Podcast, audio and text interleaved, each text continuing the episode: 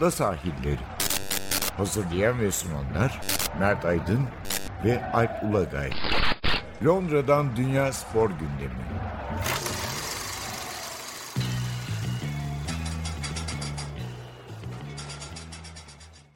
Ada sahillerine hoş geldiniz. Ben Alp Ulagay. Ben Mert Aydın. Bugün elbette gündem maddemiz Real Madrid'in bir muzesi daha ve Şampiyonlar Ligi'ndeki çok heyecanlı iki yarı final maçı. Yani birinin belki 70 dakikası, öbürünün de e, 70'ten sonrası acayip heyecanlı ve çekişmeli geçti. Çok ama yani spektaküler anların yaşandığı iki maç izledik. Ve tabii birçok kez 1955'ten bu yana birçok kez olduğu gibi maçlar oynanır ve Real Madrid kazanır. 14. şampiyonluk için Paris'te 28 Mayıs'ta Liverpool'un karşısına çıkacaklar. Ee, yani 89. dakikaya kadar 90. E, dakika hatta galiba değil mi? Tabii 90. Evet, dakika kadar iki farklı eğleniyor durumdalardı. İki dakika sonra birden maçı uzatmaya taşıran iki golü bulmuş oldular iki dakika içinde. Acayip şeyler oldu o maç sonunda. İspanyolların da bir ayrı havasının olduğunu söylemek lazım Avrupa Kupalarında. Dün akşam herhalde Twitter'da gördüğüm istatistiklerden biri 2001'deki Liverpool Alaves finalinden sonra İspanyol takımları diğer ülke takımlarına karşı 16 Avrupa finaline çıkmışlar. 16'sında kazanmışlar. Ki bir de üzerine kendi aralarında oynadıkları finaller var herhalde. 4 finalde kendi aralarında oynadılar. Şampiyonlar Ligi ve Avrupa Ligi'nde. E, Real Madrid'in de tabii bu yenilmezlik serisinde payı büyük açıkçası. Yani 2001'den sonra işte 2002 finali, 2015 Juventus ve 2018 Liverpool finallerini diğer ülke takımlarına karşı kazandı. Bir de Atletico'ya karşı kazandıkları finaller var. Ee, yani aslında değil mi? 70 yani şeyin golüne kadar City'nin golüne kadar böyle bir spektaküler bir maç olmadı. Baya böyle Doğru. sert, korakor bir maç izledik. Yani iki takım da sert. City baya önlem almış gözüktü. Hiç böyle geride ilk maçın belli bölümlerinde olduğu gibi eksik adamlar mesela pek yakalanmadılar. 6-7 kişi evet. Real Madrid'lerin başındaydı. Gol birden şeyi değiştirdi. Yani Real Madrid'in kilidini açtı sanki. Evet yani aslında galiba golden hemen önce İlkay'ın oyuna girmesi her şeyi değiştirdi. Ee, İlkay bir anda maçın dengesini değiştirdi ve işte onunla başlayan hata sonunda Mahrez golü attı. De Bruyne işte, kötüydü. E, çok etkisizdi De Bruyne dün. Evet, evet, evet. Ve şimdi Real'in kilidi açıldı ama arkada açıldı. Ee, rahatlıkla City maçı bitirecek pozisyonları buldu. Yani Grealish'in bir dakika arayla yakaladığı iki pozisyon var ki yani ilki özellikle hani Foden'ı topla içeri sokabileceği bir pozisyonda kendi gol atmayı denedi. Çizgiden çıkardılar. İkincisindeki vuruşta az farklı out'a gitti. Ya bir an şimdi e, ben böyle şeyleri sevmem ama çok güzel oturdu. Yani 100 milyona Harry Kane'i almadı. 100 milyona aldığı adamın kaçırdığı gollerle elenmiş oldular. Yani e, şey olsun diye söylüyorum. Slogan olarak çok güzel yani. Ondan sonra e, yani şimdi bu Real ile ilgili şunu söylemek lazım. Şimdi e, genç dinleyicilerimiz hatırlamazlar. 80'li yılların ortalarında Real Madrid o hani 50'ler 60'lardaki görkeminden uzaktı.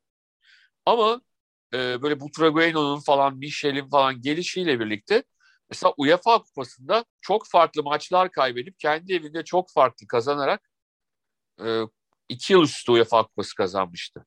Evet, tam yani, bizim yani çocukluğumuza gelen dönemde böyle 3-0'dan 6-1'lik bir Anderlet maçı var. İşte 3-1 Inter'den değil mi? 5-1 yani. Meşhur Mönchengladbach var ya.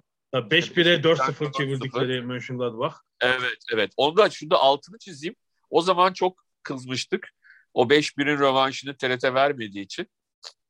Yıllar sonra Ercan abiden doğrusunu öğrendik.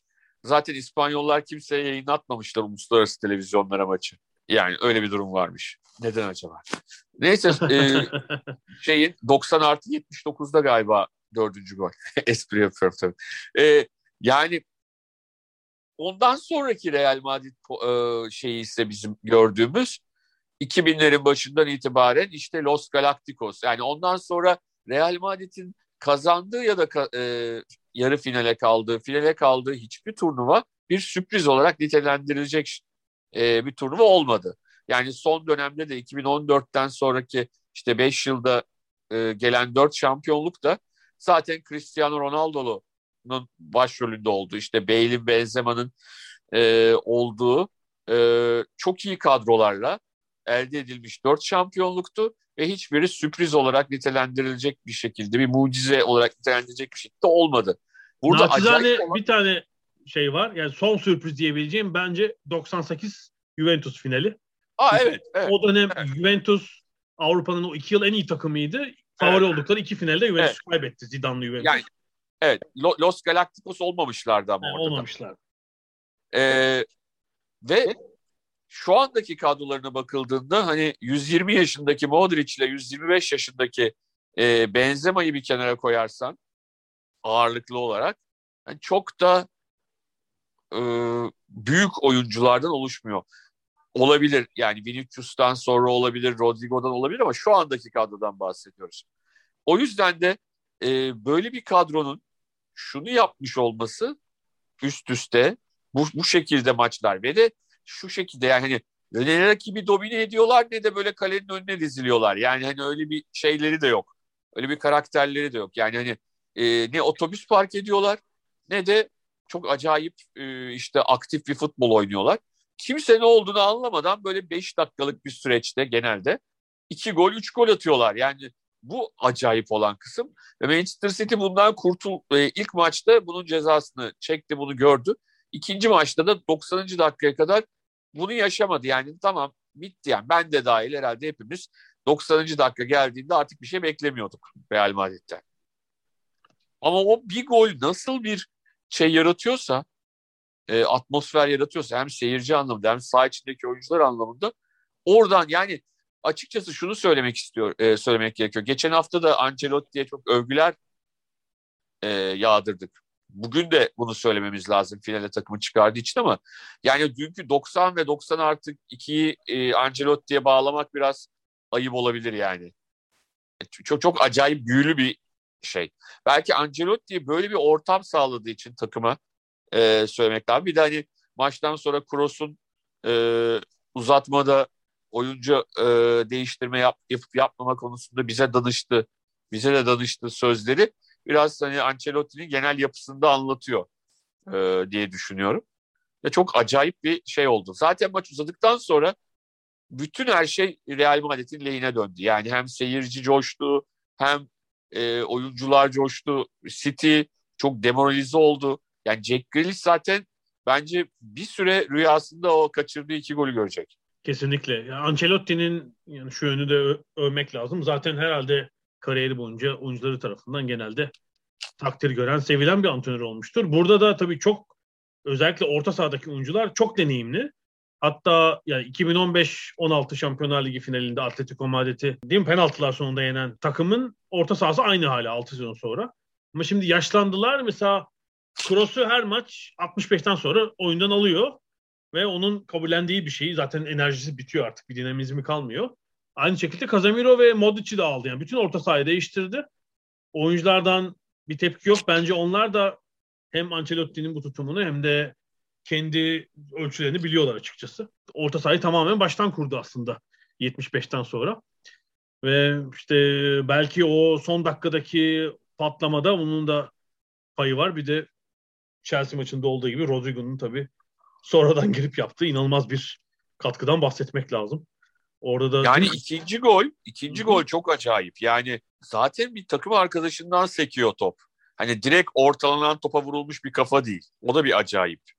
Yani evet ilk gol biraz daha Rodrigo'nun oralara girmesi belki daha anlaşılır bir şey ama evet. gol City'nin de o paniklediğinin bir göstergesi aslında. Yüzde yüz pan- çok panikledi. Hı. Yani benim beklemediğim kadar paniklediler. Çok ilginç. Halbuki hani soğukkanlı pas yapan bir takımın bu kadar paniklememesi gerekiyor. Acayip yani Ancelotti'nin müthiş deneyimi ve Real Madrid'in işte birkaç kez tekrarlıyorum ama 67 yıldır devam eden bir büyüsü var bu kupada. En olmadık sezonlarda olmadık zamanlarda finale çıkmış ve kupayı kazanmış bir takım. Özellikle az önce evvel bahsettiğim yani 98'den bu yana çıktıkları her Şampiyonlar Ligi finalini kazandılar. Zaten kaybettikleri bir Liverpool finali mi var ya? Finale çıkıp kaybettikleri. Bir tek Paris'teki Liverpool finali var galiba. Evet evet. Birdeki. 81 değil mi? 81'deki final. Doğru doğru. Ama o tabii musun? e, hatırlıyorum hatırlıyorum ama zaten hani Liverpool o dönemde biliyorsun hani maça peşin favori çıkıyordu. Hani Real'le kimle oynarsa oynasın. E, şey Şampiyon Kulüpler Kupası hani eğer Liverpool katılıyorsa İngiltere adına onun kazandığı kupa. Hatta o ara İngiliz takımı hangi takım katılsa o kazanıyordu. Öyle bir dönemde. Tabii ya şeye Evet. kadar işte Hazel'e ve olağanüstü olaylara ve o dandik penaltıya kadar değil mi? Hiç kaybetmedi. tabii, tabii. Yani şunu söylemek lazım ki hani Stava Bükreşliler, Steva Bükreşliler alınmasın ama hani İngiliz takımları ihraç edilmeseydi muhtemelen 86'da da Everton Şampiyon Kulüpler Kupası'nı kazanacaktı büyük ihtimalle. Finalde Ee, bir yerde görürdük yani. Hani kazanmasa orada olurdu yani. Yani ama çok güçlü bir takımdı hatırlarsan Evet, doğru, zaten doğru. kupa galiplerini kazanmışlardı 85'te ve hani hakikaten Avrupa için de çok güçlü bir takımdılar. Ee, o dönemde tabii onlarca yabancı oyuncu oynatamıyorsunuz. Ee, belli sayıda yabancılar var her takımda. Ee, çok büyük favori olabilirlerdi ama işte e, anlatmaya gerek yok malum nedenlerle. İş oraya kadar geldi. Ee, ve böylelikle hani bir Liverpool City finali bir başka bahara kalmış oldu. Evet, onlar artık e, ligde sezon finalini yapacaklar. Bir e, yani Ancelotti'yi geçen hafta da konuşmuştuk aslında ama bu dünkü muhabbetten sonra bir şey daha aklıma takıldı. Hani bunu ben işte basketbolda falan düşünürüm. E, özellikle Obradovic üzerinden. Yani bazı koçların çok uzun ömürlü olduğunu yani sadece takım çalıştırmakla kalmadığını kariyerlerinde en üst seviyeyi çok uzun süre yakalayabildiklerini düşünüyorum. Bunun pek futbolda karşılığının olmadığını düşünürdüm. İşte Obradovic biliyorsun ilk Euroleague değildi o zaman ama Avrupa şampiyonluğunu İstanbul 92'de. 92'de Evet. kazandı. E, 2018'de 17'de de 18'de hala finaldeydi mesela. Arada Tabii. 26 sezon var yani çok büyük bir zaman farkı. E, futbolda bu kadar büyük fark pek olmuyor. Yani özellikle Kupa 1'i düşünürsek. E, Ancelotti'nin ilk finali ve şampiyonu 2003. Ya yani 19 sezon ciddi bir zaman dilimi yani. E, arada Tabii. bir sürü yeni antrenörün sisteme katılıp çok yukarılara çıktığı bir serüven. Üstelik biliyorsun geçen sene konuşurken ben Everton'da Ancelotti falan yani artık o en üst tepe antrenörlerden biri değil falan diyordum. Çok güzel bana söylediğimi yedi, yedi aradan geçen bir buçuk iki senede çok güzel yüzüme vurdu o, o zaman ettiğim sözleri. Yani meğerse en tepedekilerden biriymiş hala. Ee, hiç su götürmeyecek bir şekilde. Bugün birisi yazmıştı. Şimdi ben yine bazen insanların e, isimlerini unutuyorum. Çok üzülüyorum. Hakkını vermem lazım. En azından benim fikrim olmadığını söyleyeyim. Duydum ama çok hoşuma gitti. Hani biz şeye çok alıştık son dönemde diye yazmış e, arkadaşımız. E, hani e, taktik, taktisyen böyle aşırı detaycı taktiklerle uğraşan teknik adamlara son dönemde. Hani Ancelotti gibi hocalar da var. Yani tamam o da taktik tabii ki taktikle ilgileniyor ama onun dışında da bir şekilde e, pratik çözümler buluyor, e, farklı farklı şeyler üretiyor. E, böyle hocaların da var olduğunu, başarılı olabildiğini unutmuşuz yani. Hani Klopp, işte Guardiola, Tuchel, Mourinho falan hani böyle taktik, taktik, taktik, taktik çok güzel. Yani tabii ki öyle olmalı. Ama arada böyle eski okul hocaların da başarılı olması güzel. Toplantı, basın toplantılarında konuştuğu zaman çok bahsetmiyor ama Ancelotti tam eski okul mudur bilemedim. Yani bir Sakki öğrencisi olarak aslında bence diğerleri kadar herhalde bunu önem birisi, veren birisi. Hayır, yani verdiğine eminim ama hani sanki e, onlar kadar böyle çok affedersin detay manyağı değilmiş gibi duruyor. belki de evet. O belki de insan yönetimindeki başarısıyla Evet. bir deneyim. Yani işte 5 ayrı ülkede lig şampiyonu olduğundan konuşuyorduk. İşte geçen hafta sonu onu da ilan ettiler. Şimdi belki de Şampiyonlar Ligi'nin de tek başına rekortmeni olacak. E zaten şey olarak oldu. Hani finale çıkan hoca 5. finali olacak. O konuda oldu zaten. E, dört kere kazanan ilk teknik direktör de olabilir. Galiba değil mi? Pezli ile Zidane mı var bir de onun yanında? Üç kere kazanmış. Zidane 3. Zidane 3 evet. Tamam Zidane 3. İşte Pezli de 3. Ancelotti de 3. Değil mi? 3 kere kazananlar. Evet, evet. Onlar. Şimdi 4 kere kazanan e, ilk teknik direktör de olabilir. Hı, gerçekten damga vurmuş durumda. Bir de yani şu başta bahsettiğim yani İspanyolların bir acayip şeyi var. İşte ligin seviyesi mesela son 3 yılda biraz düştü diyoruz. İşte Barcelona, Real Madrid eski güçlerinde değiller. Barcelona hem bir yönetim problemi hem bir takım borçlarla uğraşıyor falan. Ya Premier Lig hani en iyi olarak son iki buçuk üç yıldır bayrağı Liga'dan devraldı diyoruz ama hani işte 2002'den beri özellikle Avrupa kupalarını tam anlamıyla damga vurmuş durumda İspanyol takımları ve hala vurmaya devam ediyorlar. İşte geçen sene Villarreal Avrupa Ligi'ni almıştı. Şimdi Real Madrid belki e, Şampiyonlar Ligi'ni alacak. Yani hiç final kaybetmiş olmamaları çok garip bir istatistik gerçekten. Ben onu görünce yani sonra baktım da kimleri yenmişler diye bakıyorum. İşte yani Alman, İngiliz, İspanyol, Fransız falan dinlememişler. Herkesi yenmişler. Mesela İtalyanların biliyorsun çok hakim olduğu bir dönem var. 88 evet. 99 arası 11 yıl. Sen galiba geçen ona bakmıştım. Yani 11 sezon 32 final mi ne oynamışlar? Özellikle UEFA... Orada zaten UEFA'da bol bol sırf İtalyanların evet. olduğu finaller vardı. Evet. Ama mesela İtalyanların çok sürpriz kaybettiği çok final de var. Yani demin bahsettiğim Juventus'un kaybettiği Dortmund Juventus finali var mesela meşhur. Yani çok favori çıktı Juventus'un ve gerçekten Avrupa'nın en iyi takımı olduğu bir dönemde ki o sezon Fenerbahçe'yle değil mi? Grupta oynamışlardı herhalde o sezonda o. Evet evet evet. Ee, çok iyi bir Juventus takımıydı işte Zidane'lı, Deschamps falan. Kaybettiler. Ertesi sezon Real Madrid'e karşı yine favori yine kaybettiler. Sonra bir hatırlarsın yine 97 miydi? Inter'in Schalke'ye kaybettiği bir UEFA kupası Tabii var. UEFA finali var 90. Bence bir sürprizdi yine. Bir takım ya bu kadar İspanyolların bu son 20 yılda olduğu kadar winner değillerdi mesela. Yani. Tabii üstünlerdi. Çünkü açık ara en iyi lig İtalya ligiydi. En iyi oyuncular orada oynuyordu ama bu kadar winnerlık yoktu sanki yani. Bilmiyorum ne dersin? Doğru doğru katılıyorum. Katılıyorum. Ya İspanyollar mesela şu şey işini çok iyi becerdiler. Bu Avrupa Ligi işini. Son yani tamamen şey bu sene hariç tabii. Bu seneyi hariç tutalım. Hakikaten iyi. Yani ligin bu kadar düşmüş olmasına rağmen, ligde sıkıntılar yaşanmasına rağmen bunu başarabilmek önemli. Evet işte Sevilla 6 kez kazandı. Atletico 3 kez kazandı. E, Villarreal falan orada büyük bir hakimiyetleri var gerçekten. Bir de üzerine Şampiyonlar Ligi eklenince bir İspanyol e, üstünlüğünün olduğunu söylemek lazım Avrupa kupalarında.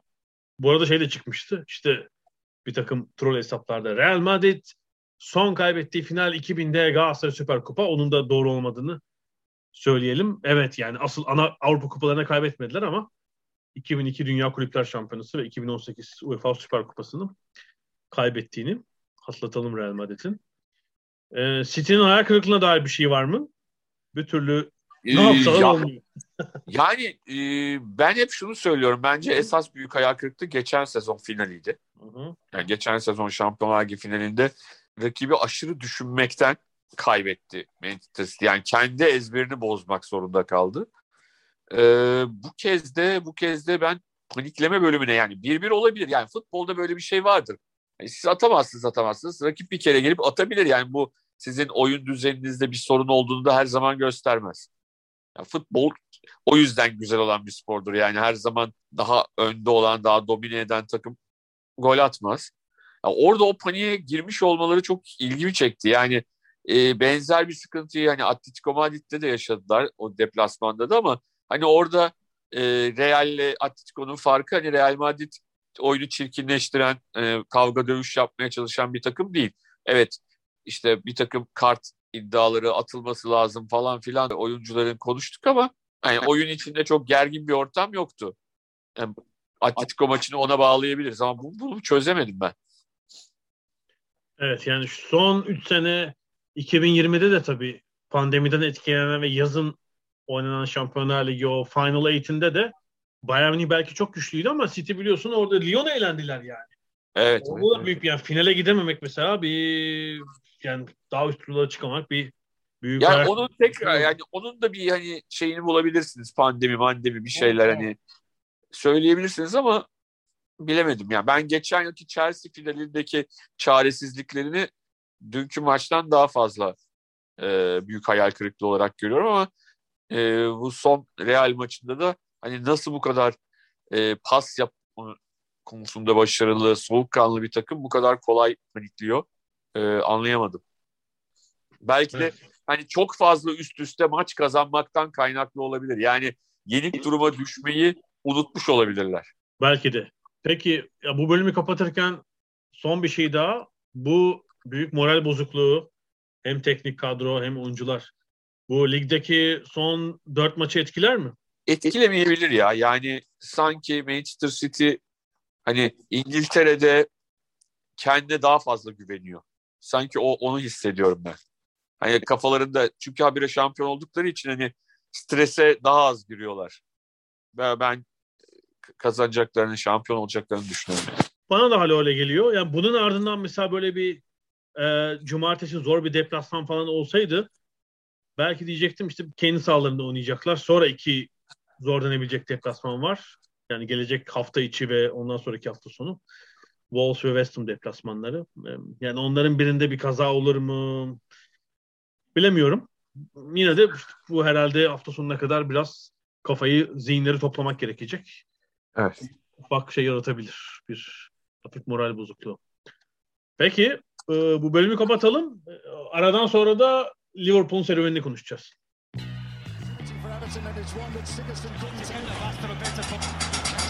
Ada sahilleri. Londra'dan Dünya Spor Gündemi.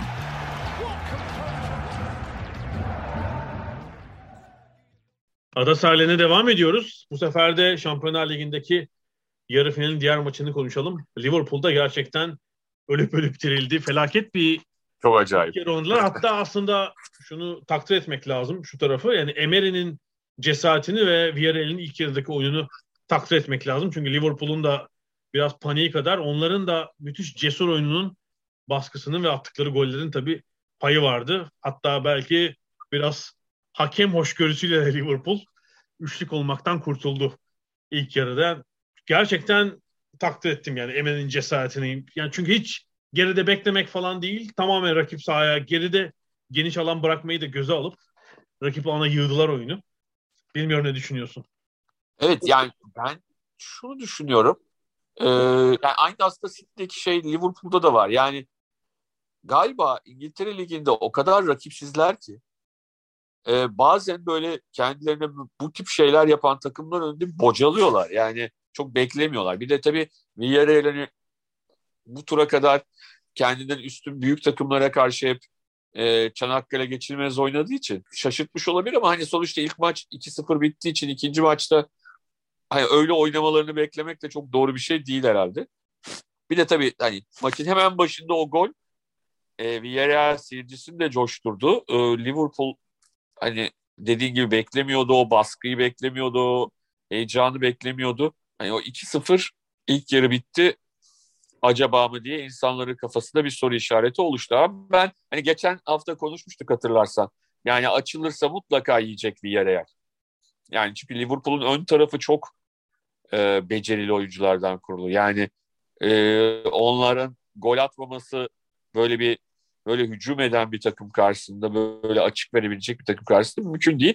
Ki ikinci yarıda biraz derli toplu bir hücumla çok da zorlanmadan golleri buldular zaten e, bence şey oldu. Yani ilk yarı öyle büyük bir efor ve hırs vardı ki ikinci yarıda zaten şey oldu yani limitlerine geldi Villarreal. Zaten sakatlıklardan falan da anlamak lazım. 2-2 e, olunca moralman da bittiler ve zaten orada bitti. Evet. Bence 2-1'de bitti. Yani maç 2-1'de bitti. E, çok zaten araları 5 dakika iki golün. Yani şey evet. direnecek yani Liverpool'la artık öyle korakor presli falan evet, oynayacak evet. bir hali pek kalmamıştı. Yani o Kapu'nun sarı kartı falan oralardan anlaşıldı o iş yani. Tabii çok zor yani. Evet 45 dakika tamam oyunu oynamak ama 90 dakika yaymak çok ekstraydı. İşte bir de tabii yani Diaz'ın müthiş her oynadığı an müthiş katkı yapan bir oyuncu o sol tarafı falan paramparça etti yani girdikten sonra.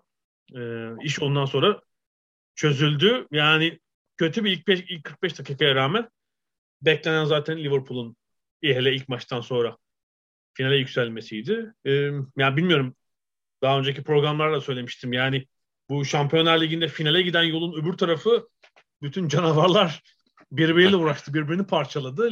Liverpool bence çok talihli bir yoldan geliyor.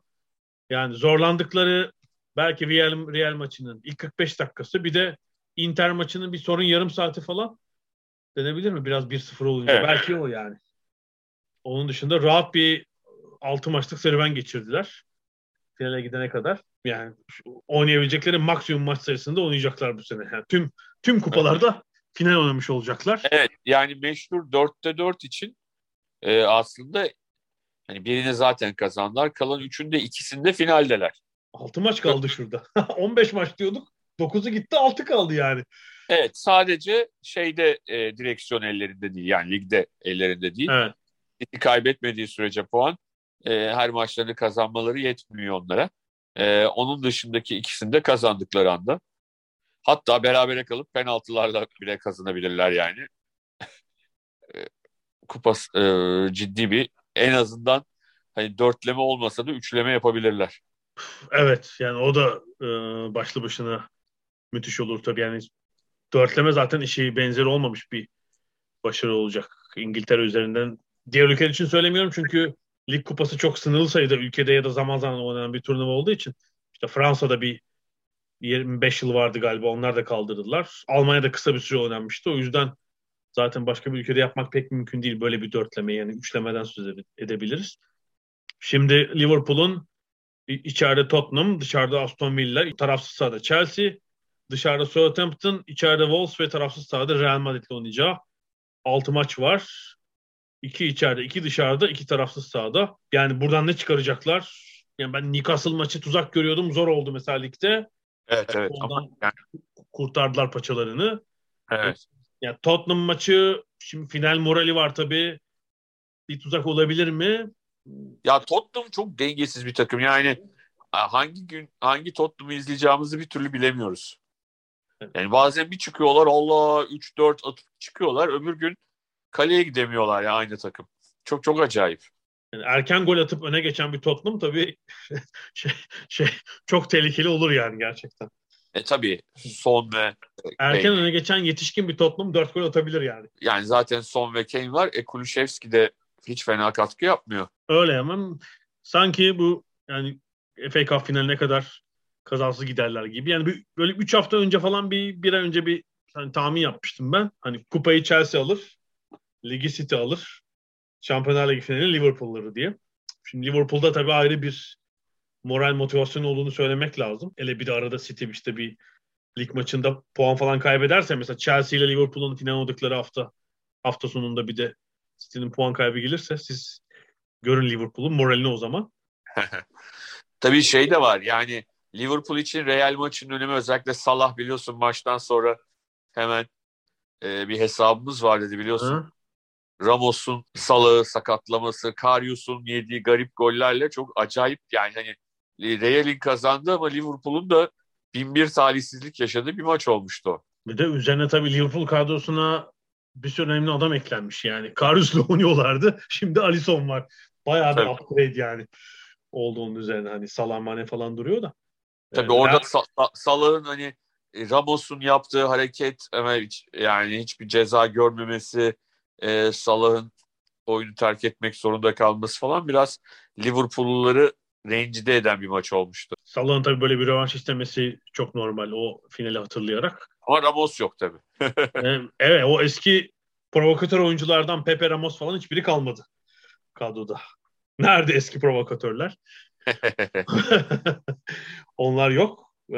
bilmiyorum. Yani Liverpool bir parça önde yani dünyanın işte iki takımından biri diyoruz. O yüzden Real Madrid'in bir parça önünde gibi ama işte Real Madrid'in de o final büyüsü var. Bir şekilde bir oyun. Mesela hiç yüzüne bakmadığı Ancelotti'nin Bale'i çıkarıverir finalin son 20 dakikasında. Ya enteresan. O da olursa ona bu bir golf maçı gibi düşün falan derse golf müsabakası gibi. Ee, ya da işte mesela değil mi? Kadroda Eden Hazar var mesela. Hiç Aha. esamesi okunmuyor. Onların birini böyle maçın sonuna özel hazırlayıp yapar yani Carlo hocam. Böyle bir gizli silah. Eğer iş öyle sonlara kalırsa. Bu arada aklıma şey geldi. Onu da gördüm çok güldüm. Geçen haftaki e, Leicester Roma maçında sonra Brandon Rodgers e, maç sonu röportaj verirken Mourinho yanına geldi ve bana en pahalı şarabı verdi odasında diye. Röpor, röportajın içine limon sıkışı var. O da çok güzel görüntülerden bir tanesi. Eski, sonuçta Brandon Rodgers da Mourinho'nun eski yardımcısı.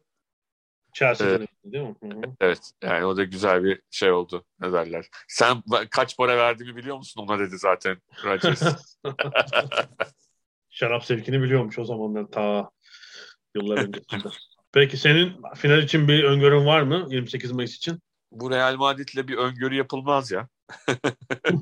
bu Real bu Real Madrid'e bakıp ama hani kadro kalitesi ile çok net hani Liverpool önde ama e, çok acayip yani. Hani o 3-5 dakikalık delirme zamanları var Real Madrid'in. Hani onu engellemeleri lazım herhalde.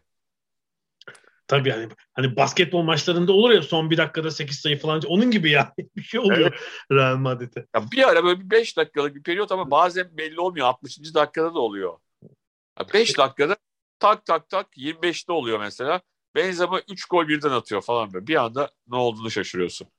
Sonra yoklar yine. Öncesinde de yoklar, sonrasında da yoklar. 5 dakikada tak tak tak. O çok çok acayip yani yani gerçekten yani dediğim gibi hani ne çok dominant bir takım ne de öyle kalenin önüne şey yapan, pislik yapan bir takım.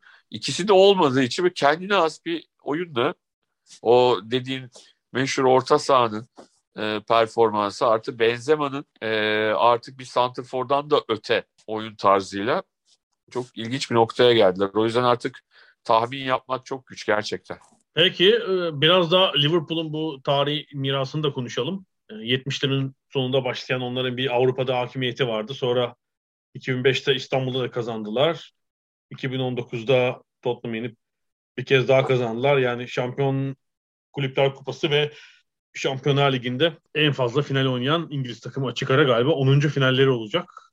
Evet. evet. Onların da tabii büyük... Hatırlarsan 2019'daki finalden sonra e, 6. şampiyonluk gelmişti. E, Klopp Let's Talk About Six Baby diye basın toplantısı şeyi maç sonu röportajını e, bütün sululuğuyla evet. e, şeye çevirmişti. Ciddiyetten uzaklaştırmıştı. Yedinciyi alırlarsa hangi şarkıyı söyleyecekler onu bilmiyorum. Ee, tabii Liverpool'un yani eski bir kulüp ama çıkışı Shankly'nin gelişi ve işte 65'ten sonra başlıyor diyebiliriz açıkçası. Avrupa'daki işte galiba ilk finalleri değil mi? 66 Dortmund'a karşı oynadıkları final herhalde değil mi? Kupa galibiyeti olması lazım. Evet. Bir tarafta Gordon Mill var. Bir tarafta Ziegelt var galiba. Ee, sonra işte Avrupa'da çıkış yaptılar ve 70'lerin sonunda işte o 85'e kadar takım. Ya bu takım mesela hele böyle işte 3 kupayı falan alırsa yani 4'ten bahsetmiyorum bile. Mesela Liverpool tarihinin en büyük takımı olur mu? Sen 70'lerin sonunda iyi hatırlıyorsun. Bazı oyuncular hatta 2003'te değil mi? Ne zaman gitmiştik biz? Liverpool Arsenal maçına. Evet 2003 Ocağı. 2003 Ocağı. Yine her Tanış... şey olmuş. Şeylerle bir sürü oyuncuyla tanışmıştık evet. Bu arada biz birbirimizle de tanışmıştık. çok hayırlı olmuş o zaman. Ay şey çok komik ama yani şu anda geldiğinde e, hani işin anlamlı kısmı nerede tanıştık? İngiltere'de tanıştık. Hep bütün Liverpool ve Arsenal sayesinde olmuş bütün bu işler. Demek ki. Peki hayırlı bir tanışma olmuş. Peki yani o hani, tarihin en büyük Liverpool takımı denebilir mi bu takıma ya? Ne diyorsun? Ya dönemler çok farklı. Yani gerçekten nasıl karşılaştıracağımı bilmiyorum ama o dönem e, İngiltere Ligi ve şeyin ne derler Avrupa kupalarının hani gerçekten üst düzey takımıydı ve neredeyse hani onlar isterse şampiyon oluyorlardı. istemezlerse başkaları oluyordu ve çok dominant bir ekipti. Yani şu anda Avrupa futbolu bir kere öyle değil. Yani Liverpool da öyle değil. Hiçbir kulüp öyle değil. Yani öyle Avrupa'yı da dominant bu kadar dominant o zaman gibi dominant bir takım yok. O açıdan çok karşılaştıramayız gibi geliyor. Yoksa tabii ki futbolun gelişimi içinde oynanan futbol şimdiki oynayan takım daha dinamik, daha hızlı, daha birçok konuda önde. Ama belki bu soruyu e, Sky yorumcusu Graham Souness'a sormamız lazım. Tabii yani o takımın o, herhalde o, 77 devre arasında geliyor galiba Middlesbrough'dan değil mi? Evet. Sezonun ortasında geliyor. Ee, ve 84'e 84 Avrupa Şampiyonundan sonra Sampdoria'ya gidiyor. Demek ki 6,5 sezon oynamış. Yani tam en, en, en görkemli döneminde takımın evet. Orta sahasının e, bel kemiği, yani en önemli oyunculardan biri. Evet, anca öyle birisi herhalde. içinde oynamış birisi bugün ne iyi bir değerlendirmeyi ama çok zor. Yani dönemler o kadar birbirinden farklı ki sadece oynanan oyun anlamında değil. Ama Avrupa futbolunun haritası da değişik şimdi. Yani bir kere o zaman her ülkeden bir takım katılıyor zaten Avrupa kupalarına, şeye Şampiyon Kulüpler Kupası'na. Evet, bir de İME tabii şeye 70'lerin başına itibaren Kuzey Avrupa'ya kaymış işte yani Hollanda, Almanya, İngiltere, Güney Avrupa'nın özellikle İspanya'nın mesela çok geri planda kaldığı bu dönem. Tabii tabii. tabii. Hem lig kalitesi hem Avrupa kupalarındaki performans olarak. Barcelona'nın esamesi okunmuyor. Belki işte kupa galipleri falan. Real Madrid'in bile epey geri planda kaldığı dönem. Aberdeen bile Real Madrid'i yenip değil mi? 82 midir kupa galipleri şampiyonluğu? 83 2 galiba. 83. 83. Onlar bile Avrupa kupası kazanmışlar. Ya bir tane değil mi hocaları vardı. Alex miydi? Ferguson mıydı? Neydi? Çok Alexander. genç bir çocuk vardı. Aberdeen'in başında. Gelecek vadeden bir antrenör olarak. Gelecek vadeden evet. O sırada öyle tabii. 42 Evet. yaşında falan o sırada. Hani bu söylendiği zaman ben tabii o dönemi birebir yaşamış biri değilim. Olsa olsa şimdi YouTube videoları veya okuduklarımızdan görüyoruz. Hani işte 77, 78, 81 hani 5 yılda 3 Avrupa şampiyonluğu falan. Ligde de büyük bir hakimiyet var. Herhalde Liverpool 13 yılda 8 şampiyonluk mu kazanıyor falan yani. Bayağı Tabii, ciddi bir hakimiyet var. O yüzden uzun bir sürece yayılan bir e, hegemonya olduğu için e, şimdiki takım ne kadar iyi olsa da böyle biraz hani şey yapıyor. Yani olarak yakalayamazlar. Zor. İstatistiki evet. olarak yakalanır zor. Belki şampiyon kulüpler anlamında yakalanabilir. Yani ilerleyen yıllarda işte yine iki yılda bir, üç yılda bir alırlarsa ancak öyle. Ama yani bir kere dediğim gibi o kadar yani o dönemin haritası dediğim gibi çok farklıydı. Birer takımın Avrupa'da her ülkeden katıldığı bir turnuva. Ligin İngiltere Ligi'nin kalitesi çok farklıydı. Yani e, o zaman City gibi bir takım yoktu ya da Liverpool'un her sene farklı rakipleri vardı. Öyle diyelim. Mesela hani şu anda bakıyorsun kaç yıldır Liverpool City çekişiyor araya bazen Chelsea girmeye çalışıyor falan yani hep aynı ya da United bir iki girdi. Ama o zamanlar her sene farklı bir ikinci var Liverpool şampiyon olurken. Ya da başka takım şampiyon oluyor Liverpool ikinci oluyor. Yani hani Liverpool'un yanına istikrarlı bir rakip yok.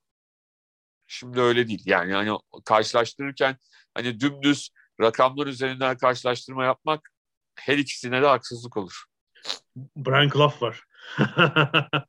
Kapı gibi önlerinde. Yani e, biliyorsun yani Avrupa şampiyonluğu lig şampiyonluğundan fazla tek hoca olabilir. tek kulüp ve tek hoca evet. Tek kulüp ve tek hoca olabilir. Bilmiyorum başka var mıdır? Ee, Bir şampiyonluğu, iki Avrupa şampiyonluğu olan. Brian Clough'un tabii kaç? iki lig şampiyonu var ama değil mi? Bir. Bir de alt ligde var. Ha derbiyle var. Derby de var o yüzden. Nottingham'da değil Tabii de. tabii. O zaman not, kulüp diyelim. Evet Not Nottingham'ın, gerçekten. Onda da biliyorsun çok tartışılan bir Juventus yarı finali var. Derbiyle de finalin eşiğinden dönüyor Şampiyon Kulüpler Kupası'nda. Tabii, dört Hakemin birden satın alındığını hep Hmm, iddia eder. Evet. Tabii bir Brian Clough'un orada yarattığı bir yani çok daha küçük şehirlerde ve küçük ölçekli takımlarda yarattığı birkaç mucize var. Onun dışında bir ciddi Liverpool hakimiyeti varmış tabii. Bir de tabii çok ilginç yani herhalde bundan 40 yıl önce değil mi Liverpool'un hardcore taraftarları pek şunu tahmin edemezdi. Yani 40 yıl sonra takımın başında bir Alman olacak. Takımın starları ise bir Mısırlı, bir Senegalli, bir Kolombiyalı falan. Çok o zaman hayal edebilecek şeyler değil. iki büyük yıldızı Müslüman falan. Hani böyle evet yani Şey- çok çok çok acayip bir durum gerçekten. kalede Brezilyalı. Hani Santrfor değil kalecisi Brezilyalı falan. Santrfor da Brezilyalı da oynamıyor. Tabii, evet, değil mi? O zaman böyle birisi şey yazsa vay be hikayeye bak ya. Ne kadar fantastik falan. Uzay 1999. Back to the Future. tribünler o Alman hoca için ne mutlu ki o bir kırmızı diye tezahürat yapıyor. Evet futbolun 40 yılda geldi. inanılmaz nokta. Peki Şampiyonlar Ligi finaline daha epey vakit var. 3 haftadan fazla. Prem- Premier Lig'de son işte birkaç maç haftasındayız. Erteleme maçlarıyla beraber şampiyonluk adaylarının dörder maçı var. Alt tarafta da Burnley muhteşem gidiyor yani. Hani Everton Chelsea'yi yendi ama hani Chelsea'yi yendi. Bundan sonrakileri yenip yenemeyeceği belli değil. Burnley önüne geleni yenmeye devam ediyor. Tabii onların fikstürleri değil. Bu Everton'ın Chelsea'nin aldığı bence ekstra iki puanla. Çünkü hani belki bir puan falan kestirmişlerdi gözlerine. Leeds United ciddi tehlike altında. Yani Tabii, galibiyet tabii. avarajıyla ve biraz daha zor maç grafiği. Everton'da bir maçı eksik. Burnley Everton falan derken birden liste gidebilir. Ben Everton gidecekmiş alt kümeye diye bir şeyim var, tahminim var ama hiç belli olmaz yani. İşte Arsenal Chelsea ile falan oynayacak. Leeds'i de birden e, son hafta aşağı doğru giderken bulabiliriz. E, bu arada Fulham ve Bournemouth'u kutlayalım. Onlar da Fulham zaten hani bekleniyordu. Asansör. Sadece gün sayıyordu. E, Bournemouth ise e, Nottingham Forest yenip ki yenilseydi eşit puana geleceklerdi. İşleri zorlaşacaktı. Yenip onlar da şeye ne derler Premier Lig'e çıktılar. Artık diğer çıkacak takım e, playoff sonucunda belli olacak. Premier Lig ile Championship arasındaki sirkülasyon çok masraf oldu. Tamamen asansöre dönmüş gibi iş. Fulham düşüyor, Norwich çıkıyor. Norwich düşüyor, Fulham çıkıyor. Bournemouth düşüyor, iki sezon sonra çıkıyor falan. Tabii bu Premier Lig'den düşen takımlara 3 sezon boyunca kademeli olarak verilen paraşüt ödemelerinin ciddi bir etkisi var. Yani o takımlar 3 yıl boyunca böyle bir teselli parası alıyorlar Premier Lig'den ve ciddi bütçelerini diğer takımlara göre ciddi bütçelerini bir süre için muhafaza edebiliyorlar. O sayede de iddialı oluyorlar. Yani o ilk sezon falan tekrar en üstte kalırsanız işte ilk ikide falan o paranın paraşüt ödemesinin ciddi faydasını görmüşsünüz demektir. Biraz bunun etkisi var sanki. Yani hem Bournemouth iki sezon önce düştüğü için bundan faydalanıyor. Fulham zaten geçen sene düşmüştü. Şimdi sene yani bu sene düşenlerden Watford'u birden tekrar e, ilk ikide falan görebiliriz Championship'te. Şaşırma. Böyle bir şey olabilir. Ee, yani Fulham işte bir yedinci Londra takımı olacak galiba. Stadın bir tribünde yeniledi falan. E, bir şekilde ne yap edip kalsınlar yani ligde artık. E bakalım Martin'da e, daha önce Everton'da en son çok büyük bir hayal kırıklığı yaşamıştı. Bakalım Premier Lig'de bu sefer Fulham'la ne yapacak? Yani şeye çok güçlü geldiler çünkü işte 106 gol, 67 averaj falan. Puan farkı çok çok büyük olmayabilir ama çok farklı aldıkları galibiyetler var yani. 5'ler, 6'lar, 7'ler. Ee, o uzun maç trafiği tabii biraz belki şeyi engellemiş olabilir. Daha büyük üstünlük kurmalarını. Ee, Derby County, Peterborough United ve Barnsley'de alt lige düştüler oradan. O zaman herhalde ada sahillerinden bu haftalıkta bu kadar. Bu kadar. Gelecek haftaya kadar görüşmek üzere diyorum. Hoşçakalın.